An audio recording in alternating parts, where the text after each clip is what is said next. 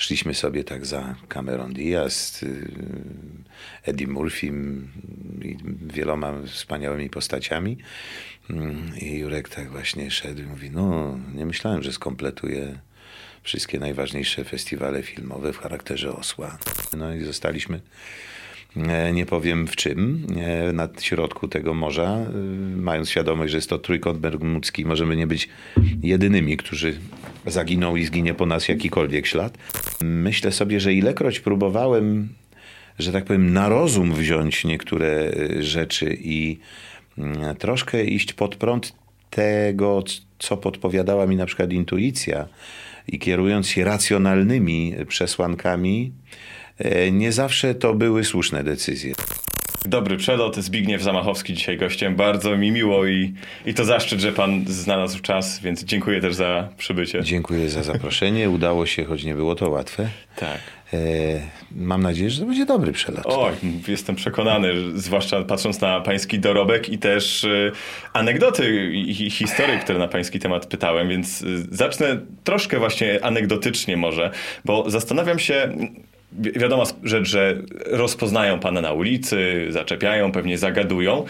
E, Ciekaw jestem, z kim pana mylą, albo czy zdarzyło się, że kogoś z panem e, pomylili, że, że pana z kimś pomylili. E, tak spektakularnie się nie przydarzyło, ale mm, parę ładnych lat temu, no jednak wiek tutaj ma, odgrywa dużą rolę. Było mi niezmiernie miło, kiedy chociażby po sukcesach filmu Zawrócony i po roli Tomasza Siwka, którą pana Kazimierza Kuca zagrałem w tymże filmie,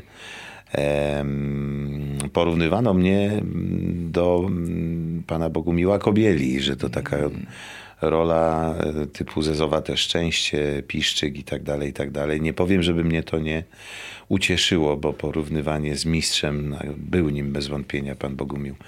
No, to jest zaszczyt. Yy, Żeby już dalej pójść, no zaczynamy od wysokiego cenia, nie wiem co będzie dalej, ale pamiętam, że gdzieś tam E, co było też dla mnie miłe, bo jest do tej pory moim idolem. Dustin Hoffman gdzieś tam się też pojawiał w tle. Myślę, że nie chodziło tyle o podobieństwo fizyczne, ile o pewnie, pewien rodzaj ról, który i mistrz Hoffman grywał i mnie się przydarzało w tamtym okresie takich no, nowhermenów trochę zmagających się z życiem, sympatycznych, co tu dużo mówić, którzy jakoś mimo przeciwności losu wychodzą na, na prostą, więc te porównania były mm, bardzo miłe. Natomiast żeby jakoś fizycznie mnie pomylono z kimś mm, tak spektakularnie, jak rzekłem, to się szczęśliwie nie zdarzyło. Być może i tu się pogrążę całkowicie. Być może jestem jedyny w swoim rodzaju. Oglądacie dobry przelot. Jeśli Wam się spodoba, śmiało subskrybujcie, komentujcie i wpadajcie częściej. A jak chcecie nas wesprzeć, zajrzyjcie na Patronite.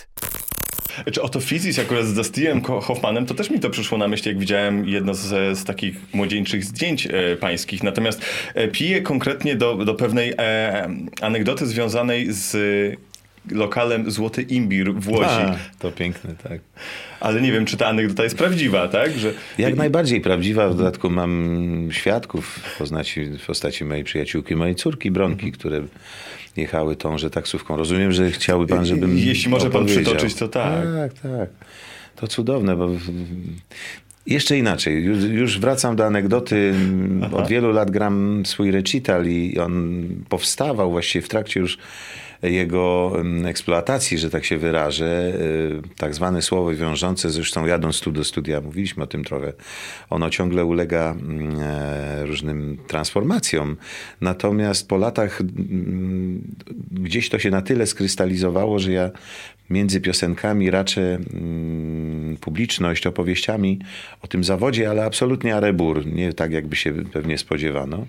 E, I to są takie historie mm, właśnie tego typu, o tym może niekoniecznie, że ten zawód jest cudowny, fantastyczny i tak dalej, ale o tym raczej, że jeśli nawet popadniemy w samozachwyt i samouwielbienie, co nie daj Boże i tracimy poczucie rzeczywistości, to prędzej czy później przychodzą takie momenty, które nas na ziemię sprowadzają i gdybym kiedykolwiek oderwał się od tejże rzeczywistości, to ta historia, o którą mnie pan pyta, którą za chwilę opowiem, do tej kategorii należy. Otóż jechaliśmy sobie we trójkę taksówką w Łodzi na koncert Hansa Zimmera do Atlas Areny.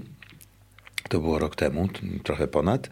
E, Ja Łódź uwielbiam, to jest właściwie prawie moje ro- rodzinne miasto. Urodziłem się nieopodal, bo w Brzezinach, w takim małym miasteczku. E, Natomiast Łódź znam jak własną kieszeń. Z racji bliskości, ale też z racji tego, że studiowałem w łódzkiej filmówce przez 4 lata. Mm, I tak y, siedząc obok pana taksówkarza, bo panie siedziały z tyłu, e, rozpływałem się nad urokami tego miejsca. Pan taksówkarz raczej nawet nie podzielał pewnie tego jako lokals. Ale w pewnym momencie tak przyglądając mi się, miał lat około 30-40 i do tego też zdążyłem się już przyzwyczaić, powiedział, ja gdzieś pana skądś kojarzę. No więc nie chcąc przedłużać tego momentu, powiedziałem, no proszę, proszę, niech pan kombinuje, kombinuje. Pan, nie przerywając na szczęście prowadzenia, powiedział, mówi, wiem, złoty imbir. No i tu aktor się we mnie obudził, bo się sobie złoty imbir. Ja zrobiłem jakiś film, teatr, telewizji, przedstawienie, które miało tytuł Złoty imbir. Nie znalazłem w pamięci niczego takiego, więc odbiłem i pytam, złoty imbir? Na co pan taksówkarz bez mrugnięcia okom, okiem z uśmiechem na twarzy powiedział, no tak, tak, no tam też podają y, tacy kelnerzy starsi w pana wieku. To, co się działo z tyłu taksówki jest nieopisywalne. Ja zachowałem mm, spokój Bastera Keatona, przynajmniej tak mi się wydawało. I kiedy opowiedziałem, bo ma to ciąg dalszy, mm, moim przyjaciołom z grupy Mozarta tę historię, no, umarli ze śmiechu oczywiście, ale zrewanżowali mi się chwilę później, koncertując w Łodzi, zadali sobie trud, żeby pojechać do restauracji Złoty Imbir, rzeczywiście istnieje taka orientalna, i zrobili sobie eleganckie zdjęcie pod szyldem z tym napisem. No, także i tak bywa. Ale to zagaił pan też troszkę o, o, o aktorstwie, o tym swoim recitalu, podejściu do niego. E, Fascynujące dla mnie mm, jest to pańska, pańska droga i to podejście do niej, tak bardzo inne od tego, jak to trochę współcześnie wygląda, nie? bo żyjemy w świecie takiej ciągłej determinacji, motywacji, nastawienia na sukces, a pan mówi wprost, że, że jest pan em, trochę, nie, nie wierzy pan w to powiedzenie, że jest się kowalem własnego losu, że, Nie do końca, tak. że tak, że raczej nie miał pan czegoś takiego jak upór w dążeniu do celu, nie? Że, I tak i nie, to znaczy nie nazwałbym tego uporem, raczej konsekwencją pewną, ale to wynikało z tego, że na dość wczesnym etapie mojego życia, zdaje się, skrystalizowały się moje pragnienia, że tak powiem, oraz to, co chciałbym w życiu robić, bo nie powiem, że to, kim chciałbym być. Bo tak jak sam pan powiedział, mam wąt- no, pewne wątpliwości co do tego po- porzekadła, że każdy jest kowalem swego losu na tyle, na ile los mu pozwala. Tak raczej o tym myślę. Natomiast rzeczywiście ja już jeszcze będąc w moim małym miasteczku w liceum zacząłem pisać sobie piosenki. Wiedziałem, że raczej nie będę technikiem ekonomistą, choć wszystko na to wskazywało, kiedy wybrałem liceum ekonomiczne. Jeden z większych błędów życiowych w moim życiu, ale wszystko ma jakby mm, swoje uzasadnienie, czy też konsekwencje. E, dzięki temu, że byłem w tym liceum i nijak ten bilans winien ma na koncie, nie chciał mi się zgadzać. Dość szybko i ja i nauczyciele to zrozumieli, powierzając mi rolę w tej szkole kogoś w rodzaju kaowca. Mm, Nauczyciele wiedzieli, że gram jakoś tam na fortepianie, równolegle chodziłem do szkoły muzycznej i właśnie chyba tylko dlatego tę szkołę skończyłem, że byłem odpowiedzialny za większość uroczystości szkolnych, e, co z kolei owocowało tym, że zacząłem sobie pisać piosenki i, i gdzieś ta moja miłość do muzyki w ten sposób się objawiła, czy też miała swoje konsekwencje w postaci po wielu eliminacjach udziałów y, w konkursie debiutów w Opolu w roku 1980, więc, y, więc tak to się potoczyło, tyleż ze względu na, na jakby y, zbiegi różne okoliczności, ale też właśnie nie upór może, tylko konsekwencje. Ja wiedziałem, że że chcę mm, robić coś, co wiąże się z, ze sceną, ze estradą, śpiewać, grać. Nawet nie myślałem o graniu jako aktor właśnie, tylko raczej widziałem siebie jako piosenkarza. Los spłatał mi figla cudownego, mm, dając mi szansę mm, w filmie Wielka Majówka. I dopiero potem zdecydowałem się zdawać do szkoły filmowej i tak naprawdę na co dzień robię to, co robię, ale nie rozstaję się z muzyką, ze śpiewaniem, z komponowaniem i stąd jakby gdzieś te rzeczy łączę równolegle. Natomiast nie sądzę, żeby to była wyłącznie kwestia mojego uporu. No właśnie się zastanawiam, jakby to pan zdiagnozował tak z perspektywy czasu, bo jak się patrzy na chronologię wydarzeń, na ten właśnie konkurs debiutów w Opolu, na którym zdaje się, że pan zajął właśnie drugie miejsce, później Tak. Wielka Majówka i e, później przyjęcie do, do szkoły w Łodzi, co prawda wcześniej ta Akademia y, Warszawska tu, tutaj się nie udało i usłyszał pan to, to słynne, wielu moich kolegów ak- aktorów mówi, że oni też to słyszeli, to, że, że jest wiele zawodów na A, nie? Tak, rzeczywiście to był cytat, który troszkę no, powalił mnie, ale może i dobrze. No, co nas nie zabije, to nas wzmocni. Kiedy pojechałem na konsultacje, bo nie, to, nie, to nie był egzamin, jeszcze będąc maturzystą mm, do szkoły warszawskiej, właśnie usłyszałem to słynne zdanie, że po wyrecytowaniu dosłownie może trzech wersów jakiegoś wiersza, że w związku z wadą wymowy, i to jest e, autentyk, no, którą wtedy miałem, jest tyle zawodów fajnych na, że może aktor w moim wypadku y, to nie jest najlepszy wybór. No postanowiłem nie być aktorem i rzeczywiście oddałem się muzyce, zdawałem do Akademii Muzycznej w Katowicach y, na Wydział Jazzu, ale ponieważ no, z ducha ani z zamiłowania jazzmenem nie jestem, nie zostałem przyjęty. Szczęśliwie, jak się Persaldo okazuje. Mm, Tylko dostałem propozycję zagrania w tym filmie właśnie dzięki temu, że reżyser Krzysztof Rogulski zobaczył mnie w telewizji podczas mm, śpiewania mojej kołysanki mm, na festiwalu mm, w Opolu. No to mówię, to gdzieś to się tak y, cudownie y, plecie.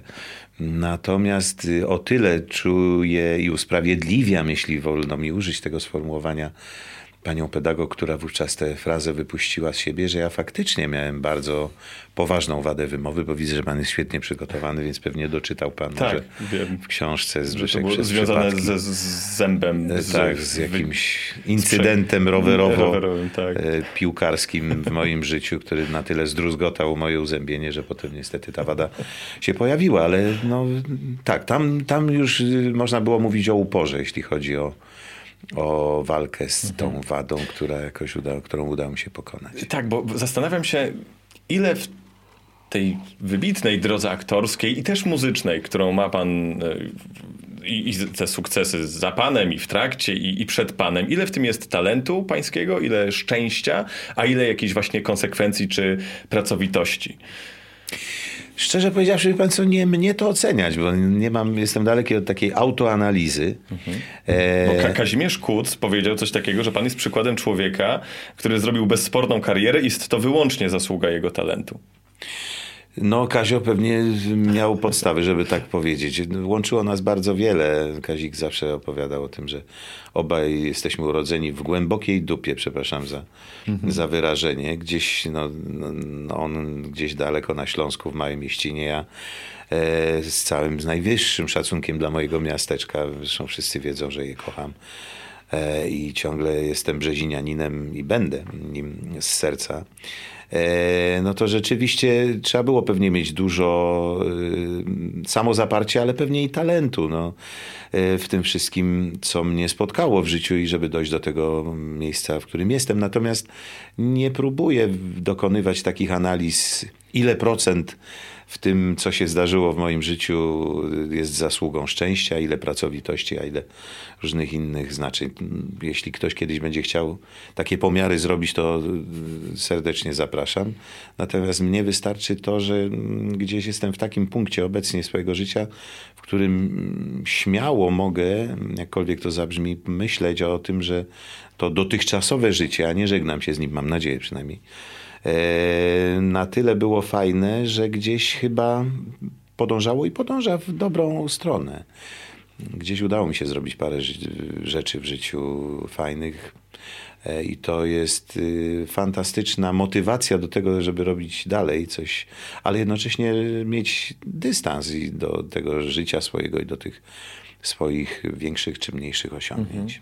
No bo jak się na to patrzy z boku, z mojej perspektywy, to ma się wrażenie, że te wszystkie rzeczy tak łatwo panu przychodziły, a jednocześnie e, pan się tak gdzieś tam rzucał, nie, nie bał się pan próbować, e, nie bał się też tych występów na scenie. Ostatecznie wylądował pan na czerwonym dywanie w Cannes. E, Jako Szrek. tak. tak.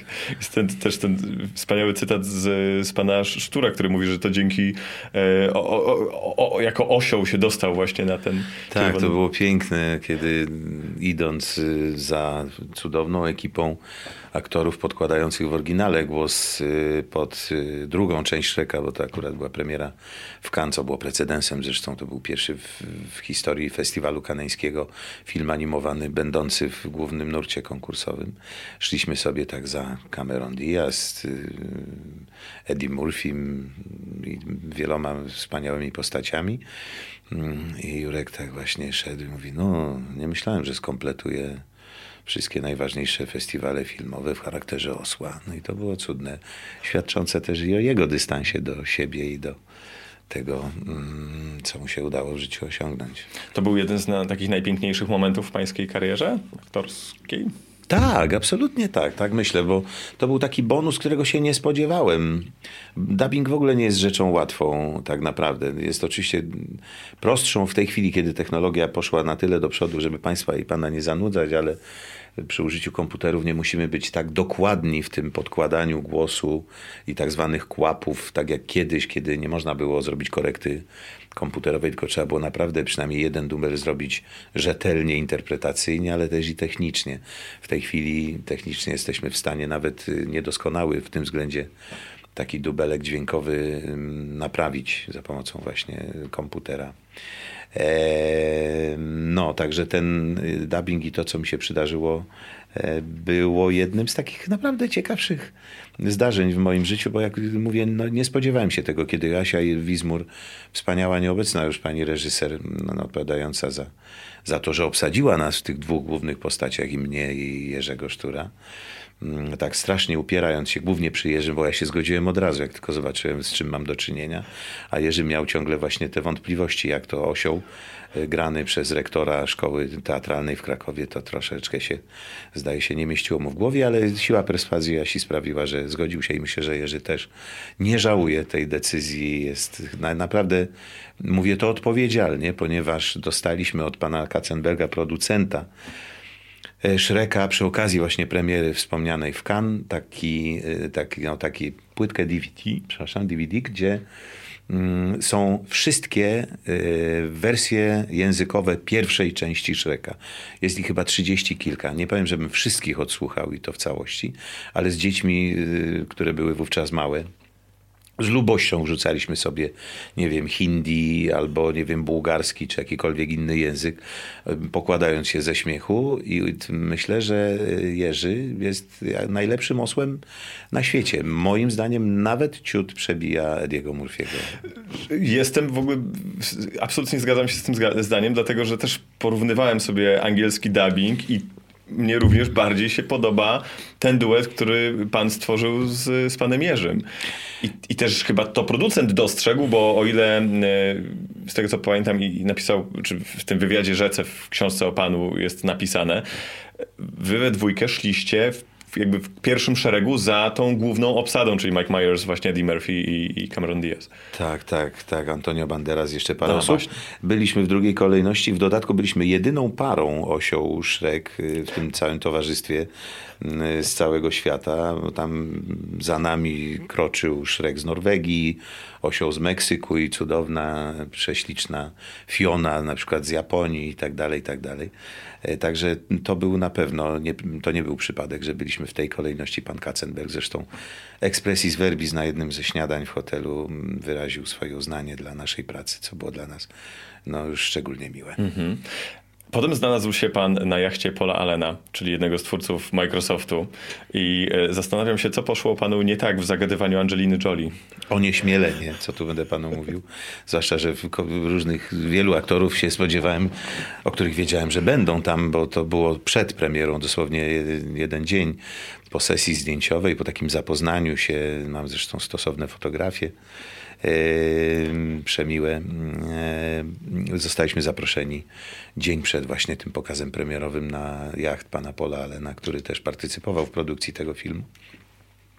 I jak się rzekło, wiedziałem, że wszyscy aktorzy biorący udział w podkładaniu głosu do oryginalnej wersji tam będą i usiadłem sobie już przywieziony jakąś łódeczką na jacht pana Pola Alena, który mniej więcej był wielkości połowy Stefana Batorego, jak go pamiętam ze zdjęć przynajmniej z filmów. Mm, I usiadłem sobie na kanapce na jednym z pokładów, chyba czterech w tym, na tym jachcie. I z totalnym zdumieniem spostrzegłem, że osobą siedzącą obok mnie jest właśnie Angelina Jolie, która tam e, znalazła się, ponieważ została zaproszona przez właściciela jachtu jako gość, prezentując mm, wyświetlany poza konkursem film Troja. Mało brakowało, jeszcze byłby Brad Pitt, ale niestety, jak się okazało, musiał rano tego dnia oddalić się na, na zdjęcia. No, z panią Angeliną na tyle byłem zaskoczony, że nie udało mi się zbyt wiele wyrazów za, zamienić, ale z paroma innymi osobami. Zwłaszcza z Julie Andrews, która jest no, Angielką i troszkę mm, inną osobowością, że tak powiem. E, uciąłem sobie bardzo miłą i przyjemną rozmowę. Zaś pan Jerzy Szturbo, nie wiem czy o tym wspominam w tej książeczce, zamienił cudowny, krótki, ale treściwy dialog z Eddie Murphym, kiedy to staliśmy przy relingu tego jachtu z Jerzym i rozmawialiśmy sobie. Zobaczyliśmy, że akurat zmierza w naszą stronę Eddie Murphy w towarzystwie żony i Jerzy mm, po angielsku oczywiście zagadał do, mm, do Ediego, mówiąc, że to właśnie mamy przyjemność i zaszczyt tutaj się przedstawić, że pan Jerzy podkłada osła, którego wykreował tak cudownie e, Eddie, ja jestem Szrekiem i pan Eddie tak sobie stał z tym talerzykiem przypięty do swojej małżonki. Tak coś kiwał głową, bąknął coś, odpowiedział. Miło, ale bardzo zdawkowo i się oddalił, na co Jerzy tak spojrzał na nie i powiedział, no smutny, jak każdy komik. No, tak rzeczywiście coś w tym było. Jakie ma pan e, wrażenia, czy, czy takie wspomnienia właśnie z pobytu na tym jachcie, gdzie zjeżdża się ta plejada gwiazd. Podejrzewam, że ludzie jak, jak każdy inni, jakby wszyscy inni i to było jakieś takie zderzenie z tym światem, czy, czy po prostu jedna z wielu imprez branżowych? Nie mieliśmy właśnie wrażenia, że, że jest coś szczególnego w tym. Zadbał o to sam właściciel jachtu Paul Allen, który bardzo, że tak powiem, fantastyczny klucz zresztą znalazł do tego jacy goście się tam znaleźli. Tam znalazła się cała, dostępna oczywiście w tym momencie, ekipa realizatorów Shreka począwszy od reżysera, przez aktorów, a skończywszy na y, człowieku, który, nie wiem, roznosi listy y, na, w tej, no, gdzieś tam w tej hierarchii filmowej, y, dosyć, że tak powiem, na tak zwanym szarym końcu. wszyscy ci ludzie byli tam.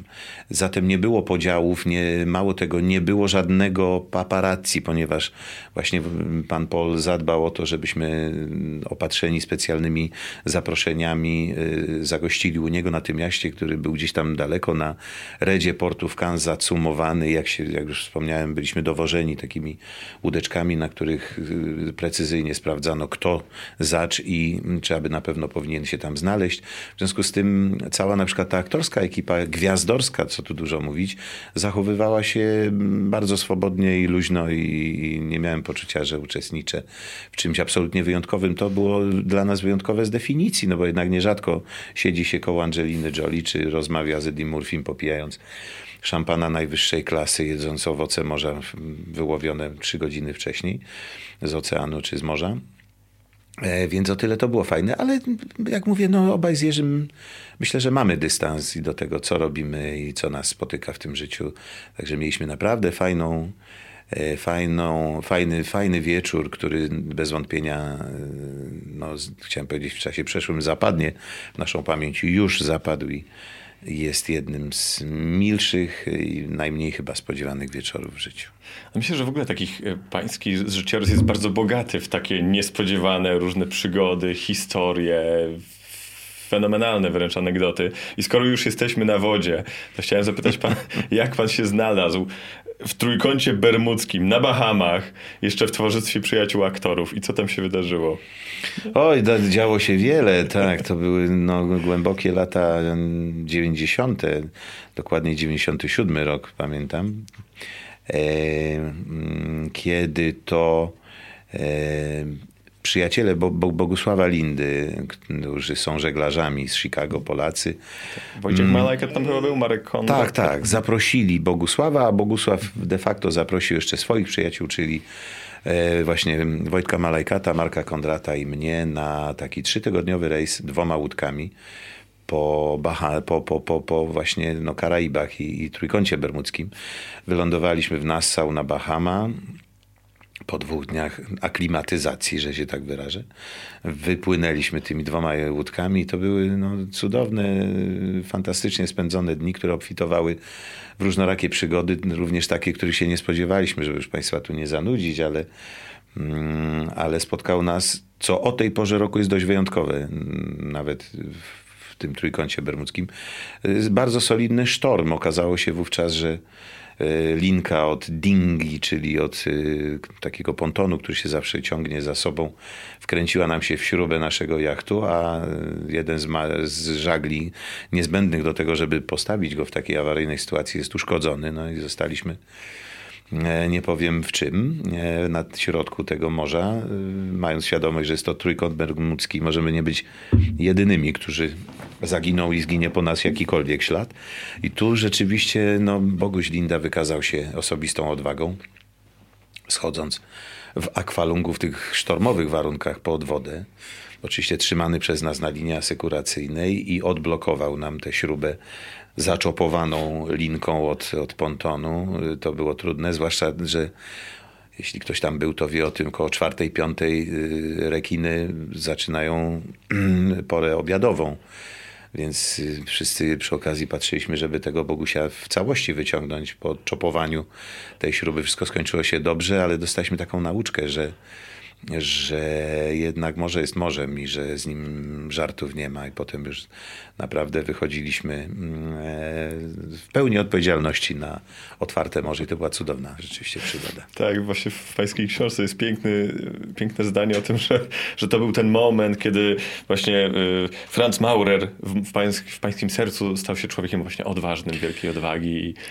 Tak, no właśnie się okazało, że to nie jest tylko na potrzeby filmu. Boguś jest naprawdę odważnym facetem. No, nie sądzę, żeby ktokolwiek tam jeszcze poza nim, mm, on ma doświadczenie, miał wtedy też duże w nurkowaniu, tak rwał się do tego, żeby tam zejść pod tę wodę, a Boguś zrobił to bez mrugnięcia oka, mm, e, za co go podziwiam do tej pory.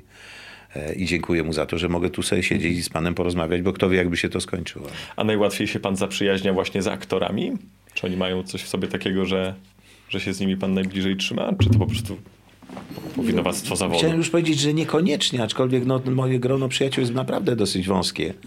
I w większości są to ludzie zajmujący się tym zawodem, który ja wykonuję z oczywistych powodów, bo najczęściej się widujemy i łączy nas ta praca, ale mam wspaniałych przyjaciół e, dwoje mm, e, weterynarzy, którzy są moimi przyjaciółmi. O. Tak, i są fantastycznymi ludźmi. To, jaki się ma zawód, nie determinuje tego, gdzie się te przyjaźnie pojawiają bądź nie, nie pojawiają.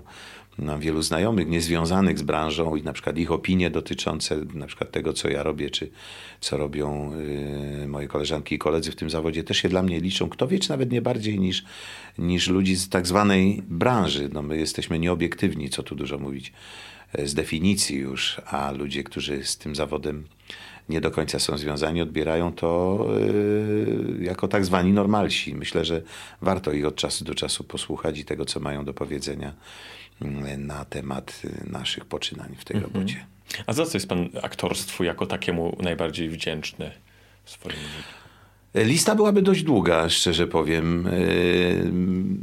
To jest absolutnie wyjątkowy zawód Wszelako pod warunkiem, że towarzyszy mu sukces, no co tu dużo mówić, czy, czy powodzenie jakieś, bo ten zawód może być okrutny dla wielu ludzi, którzy wykonują go no, bez tego sukcesu, czy, czy też muszą po prostu się z niego utrzymać y, i z takich czy innych powodów nie doznają takich y, bonusów, jak, jak, jak, jak na przykład mnie się dzięki jakiejś opatrzności, nie wiem, zrządzeniu losu y, udało.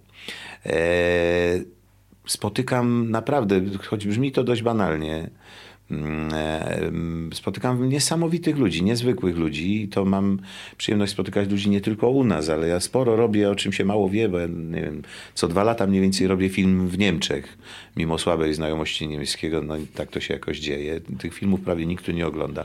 Zmierzam do tego, że, że i tam mam wielu znajomych, cudownych ludzi, których bym nigdy nie spotkał, gdyby nie ten zawód. Nigdy nie spotkałbym wspaniałych aktorów, y, mm, których znałem tylko z ekranu. Nigdy nie zagrałbym z Omarem Sharifem, z Anukem E, z Russellem Crowe, żeby jeszcze tam innych nazwisk nie wymieniać, gdyby nie ten zawód. A to są naprawdę cudowne spotkania. Czy Emily Watson. E, nie obejrzałbym tylu cudownych, wspaniałych miejsc na świecie, ale nie tylko na świecie. Kiedy jeżdżę po Warszawie, a jestem fanem tego miasta, bo prawie 40 lat tu mieszkam i naprawdę sporo wiem na temat jego historii i, i losów, e, to jest cudowne, kiedy y, konstatuję, że przejeżdżając obok jakiegoś dziwnego miejsca, typu, nie wiem, filtry warszawskie, które są jednak terenem zamkniętym, byłem tam dzięki filmowi, że nie wiem, na, prawie, że na Iglicy we Wrocławiu, obok byłej wytwórni filmów koło hali stulecia mm, siedziałem tylko dzięki filmowi. E, i tak dalej, i tak dalej. Ten filmowi i temu zawodowi zawdzięczam e, to, że, że, że mogłem e, tyle właśnie takich zupełnie nie, nieprawdopodobnych niedostępnych miejsc odwiedzić. Hmm. I właśnie tak, tak, trochę wracając do, do początku, bo mm, jak się właśnie patrzy na pańską historię, to to ma się wrażenie, że to wszystko z taką łatwością panu przychodziło, że te kolejne propozycje. Natomiast gdzieś tak y, też coś takiego pan powiedział o tym, że ta pewność siebie taka, że pan jednak szedł i próbował, że wielokrotnie pana zawiodła, więc zastanawiam się, Jakie porażki pan gdzieś tam mm, pamięta, kojarzy, takie, które może pana właśnie ukształtowały albo czegoś ważnego nauczyły? E, wie pan, nie tyle pewność siebie mnie zawiodła, co pewnie zmierza pan do tego, korzystając z tej książki, o której mm -hmm, mówimy, która mm. ma nieprzypadkowy tytuł, bo nazywa się Zbyszek przez przypadki, bo tych przypadków mm -hmm. cudnych mm, wielu pomogłem, bez wątpienia było w moim życiu y, bardzo dużo. Natomiast y, tam jest jakiś taki y, fragment, w którym można przeczytać o tym, że mm, myślę sobie, że ilekroć próbowałem że tak powiem, na rozum wziąć niektóre y, rzeczy i mm, troszkę iść pod prąd tego, co podpowiadała mi na przykład intuicja i kierując się racjonalnymi przesłankami, e, nie zawsze to były słuszne decyzje. To dotyczy wielu różnych rzeczy, nie tylko zawodowych, ale również i, życiowych. Dlatego im dalej w las, tym bardziej jednak staram się słuchać siebie i słuchać tego, co mi podpowiada ten szósty zmysł, który bez wątpienia każdy z nas ma. Czasem go w sobie niepotrzebnie tłumimy, czasem tego dzieciaka, którego nosi każdy z nas, też tłamsimy zupełnie niepotrzebnie, a dzieci jednak e, dokonują takich emocjonalnych często wyborów, ale chyba na jednak naj, najczęściej słusznych, bo kieruje nimi nie rozum i kalkulacja, tylko odruch. Myślę, że za tym odruchem często trzeba iść. Oczywiście E, trzeba zważyć różne rzeczy na tej szali, ale, ale te decyzje, które, w których zanegowałem to ten głos dziwny, który, jak mówię, każdy z nas od czasu do czasu słyszy w ważnych momentach, mm, nie zawsze kończyły się e, pomyślnie. Ale szczęśliwie zazwyczaj przychodziły takie momenty, gdzie udało się to lepiej lub gorzej wyprostować. Mm -hmm, mm -hmm. Tak, też mam wrażenie, że pan w większości sytuacji w życiu kierował się tą intuicją. Myślę, że to też chyba ma związek y, ze sposobem wychowywania, z tym, jacy byli pańscy rodzice, z tym, że, że oni, pan chyba miał dużo swobody jako, jako dziecko, prawda? W jakimś takim spróbowaniu się w różnych dziedzinach, pasjach i, i sztuce i nie tylko. Tak, to cudowne, że, że moja rodzina zadbała o to, bo nie tylko rodzice, ale wspaniała osoba mojej babci Zosi, mamy mojej mamy, która, która z, wraz z moją siostrą mm, sprawowała nad nami opiekę wtedy, kiedy rodzice byli zajęci, kiedy byli w pracy.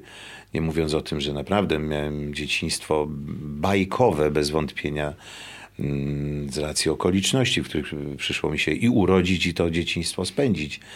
Mm, bo ja się urodziłem w pałacu pofabrykanckim, co tu dużo mówić, e, i to fizycznie.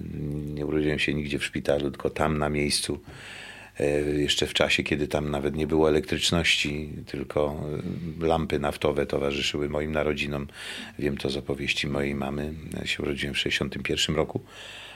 A elektryczność zawitała w tym miejscu w 64, więc y, cały czas powtarzam, że ja mam wrażenie, że ja właściwie mm, przeszedłem taki mm, czas od XIX do XXI wieku. Rodziłem się w erze wozów konnych i, i taborów cygańskich, naprawdę, które pamiętam, które tam nieopodal się rozbijały na, na błoniach naszego miasteczka. Wylądowałem i siedzimy w czasach kamer, komputerów, nieograniczonej możliwości komunikacji, przemieszczania się i tak dalej. To jest taki skok, że ciężko sobie czasem z tym poradzić, ale wdzięczny jestem za to naprawdę losowi, mm, że, y, że takie dzieciństwo mi podarował. No, mm, wychowywać się w miejscu, w którym hasa i, i wariuje, nie wiem, 15 dzieci, bo tam w tym pałacyku pofabrykanckim zabrane, mm, zabranym właścicielowi, panu Kleiberowi po wojnie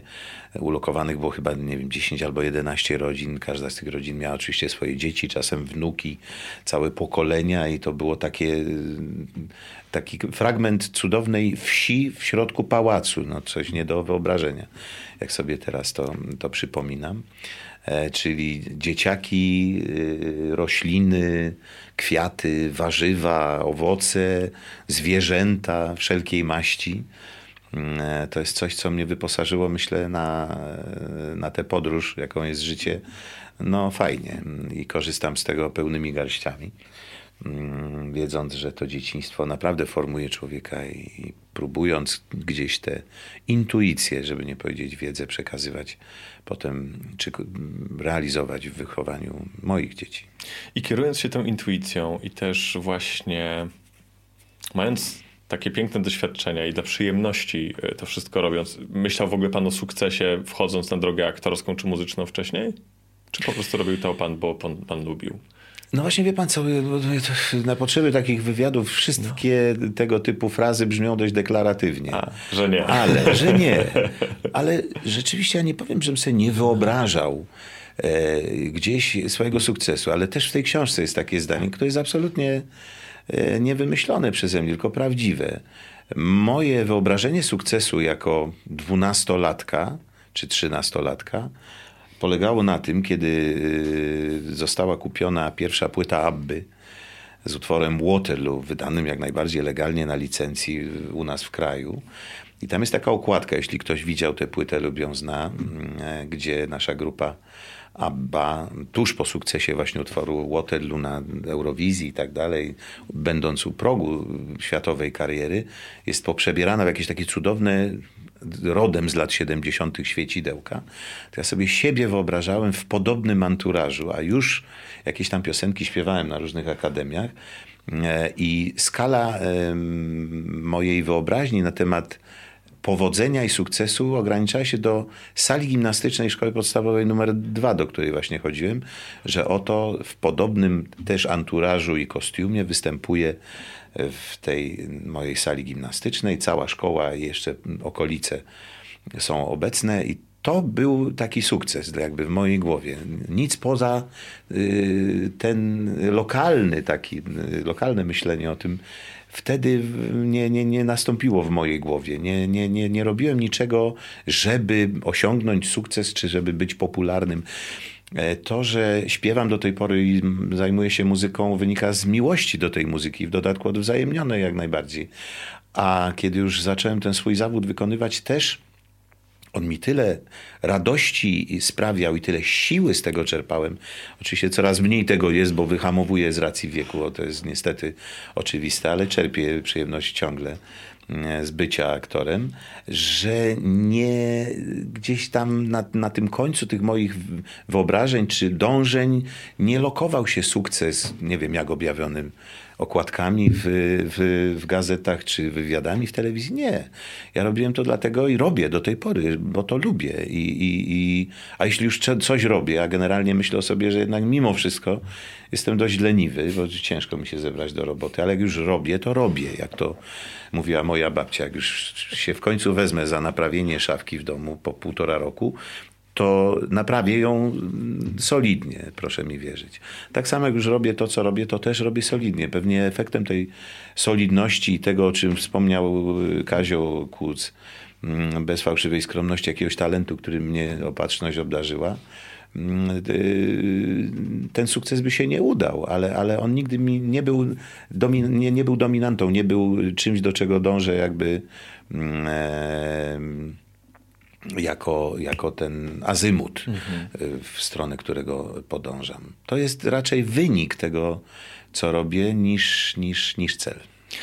Myślę, że to jest piękną inspiracją, że właśnie pasja, miłość do tego, co się robi i jakaś taka czysta przyjemność plus pracowitość doprowadza pana tutaj, gdzie e, pan jest. E, ja, ja, powoli nam się czas kończy, zostało nam 10 minut, bo tak też się umówiliśmy, ale jeszcze chciałem zahaczyć e, o, o pańskie przyjaźnie aktorskie i o ten, no jak dla mnie, jak słyszę różne historie, anegdoty, taki legendarny tercet z Wojciechem Malajkatem i, i Piotrem Polkiem, po tych historii wspólnych macie mnóstwo. Zresztą miałem olbrzymią przyjemność swego czasu rozmawiać z panem Malajkatem, no i opowiadał taką anegdotę, jak pana wysłali po flaszki i pan wrócił i się zastanawiam, jak ta e, przyjaźń wygląda dzisiaj, jak przetrwała różne te wzloty i upadki również. No, flaszki pominimy, ale można o nich poczytać w książce, o której mówiliśmy, do której się pan odwołuje. Cudownie, bardzo dziękuję. E, natomiast no, przyjaźń jest czymś, co się przydarza albo nie. Nam się przydarzyła i to jest y, coś cudownego i potrafimy ją pielęgnować, a nie jest to łatwe. Od tylu lat poznaliśmy się w 1982 roku, kiedy i Wojtek, i Piotrek przyszli do szkoły. Ja już byłem rok wcześniej.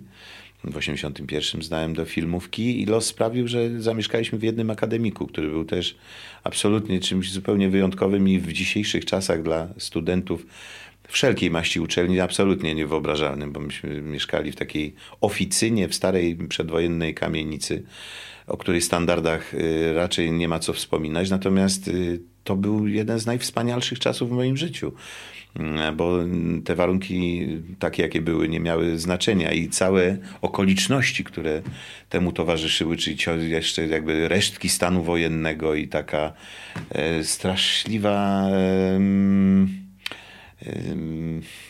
no, okropny czas. Tych 80, jakiś taki? Tak, tych 80 lat, y, kiedy już niczego nie było.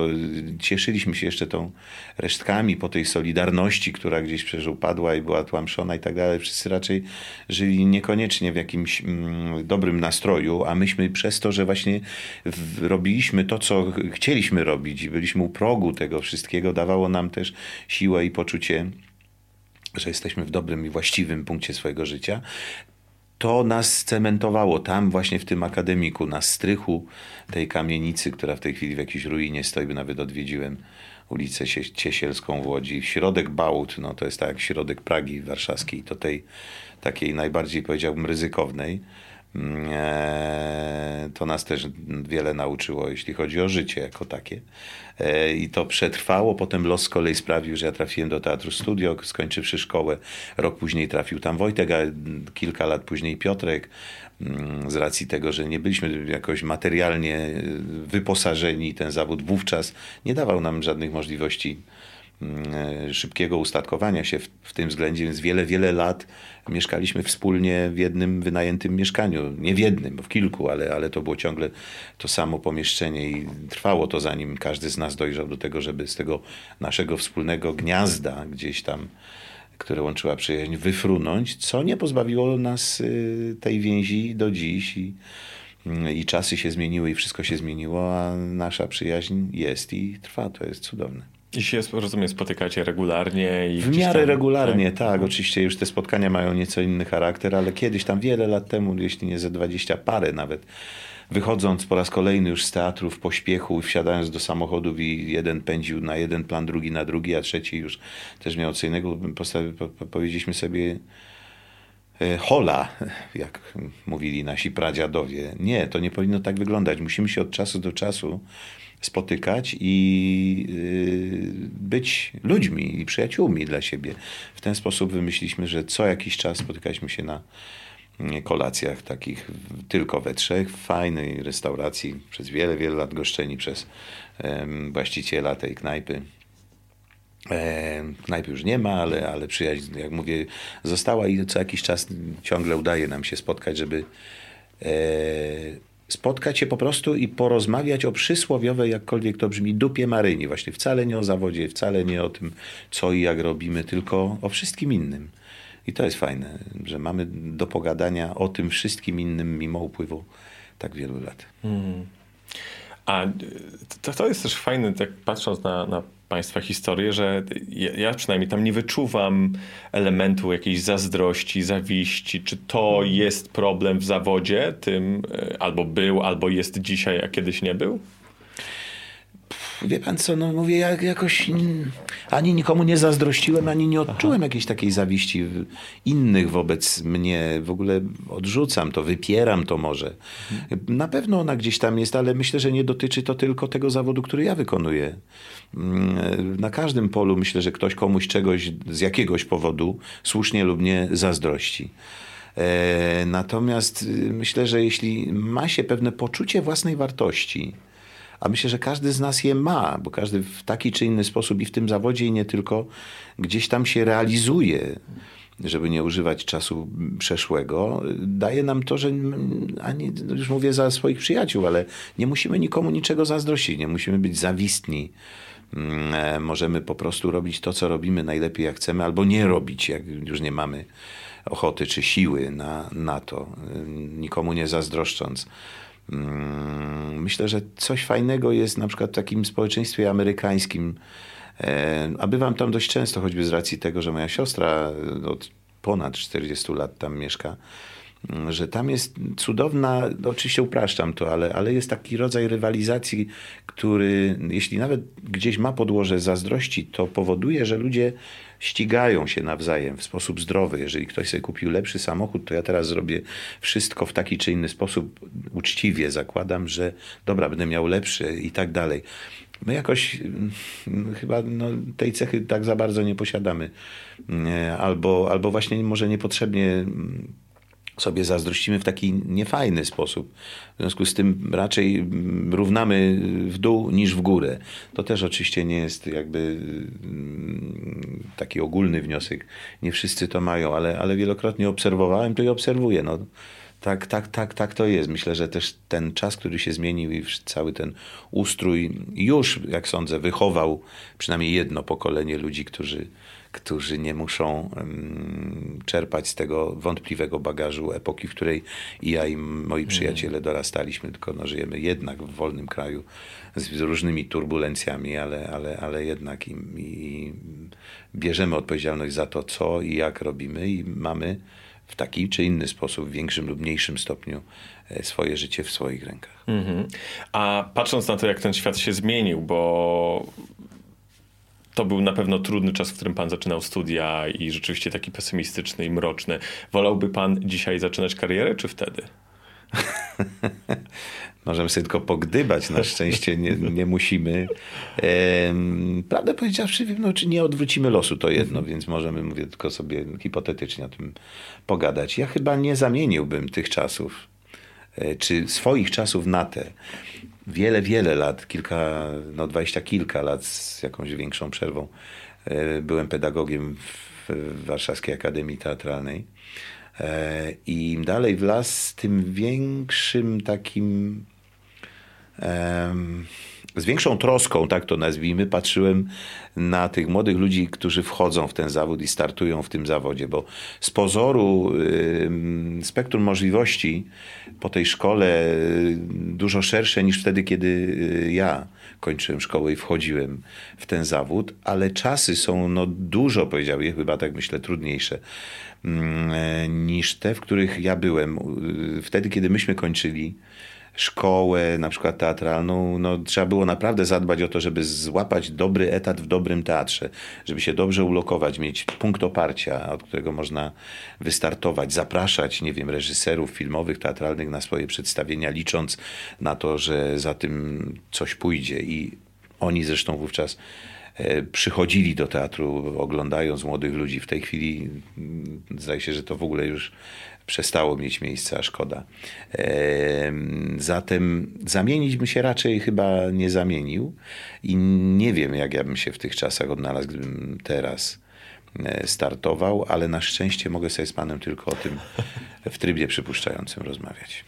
Dobrze, to już akurat Akurat. Mamy tak, tu tak jak się zegareczek. umówiliśmy, więc musimy tak, musimy kończyć, ale No bardzo dziękuję.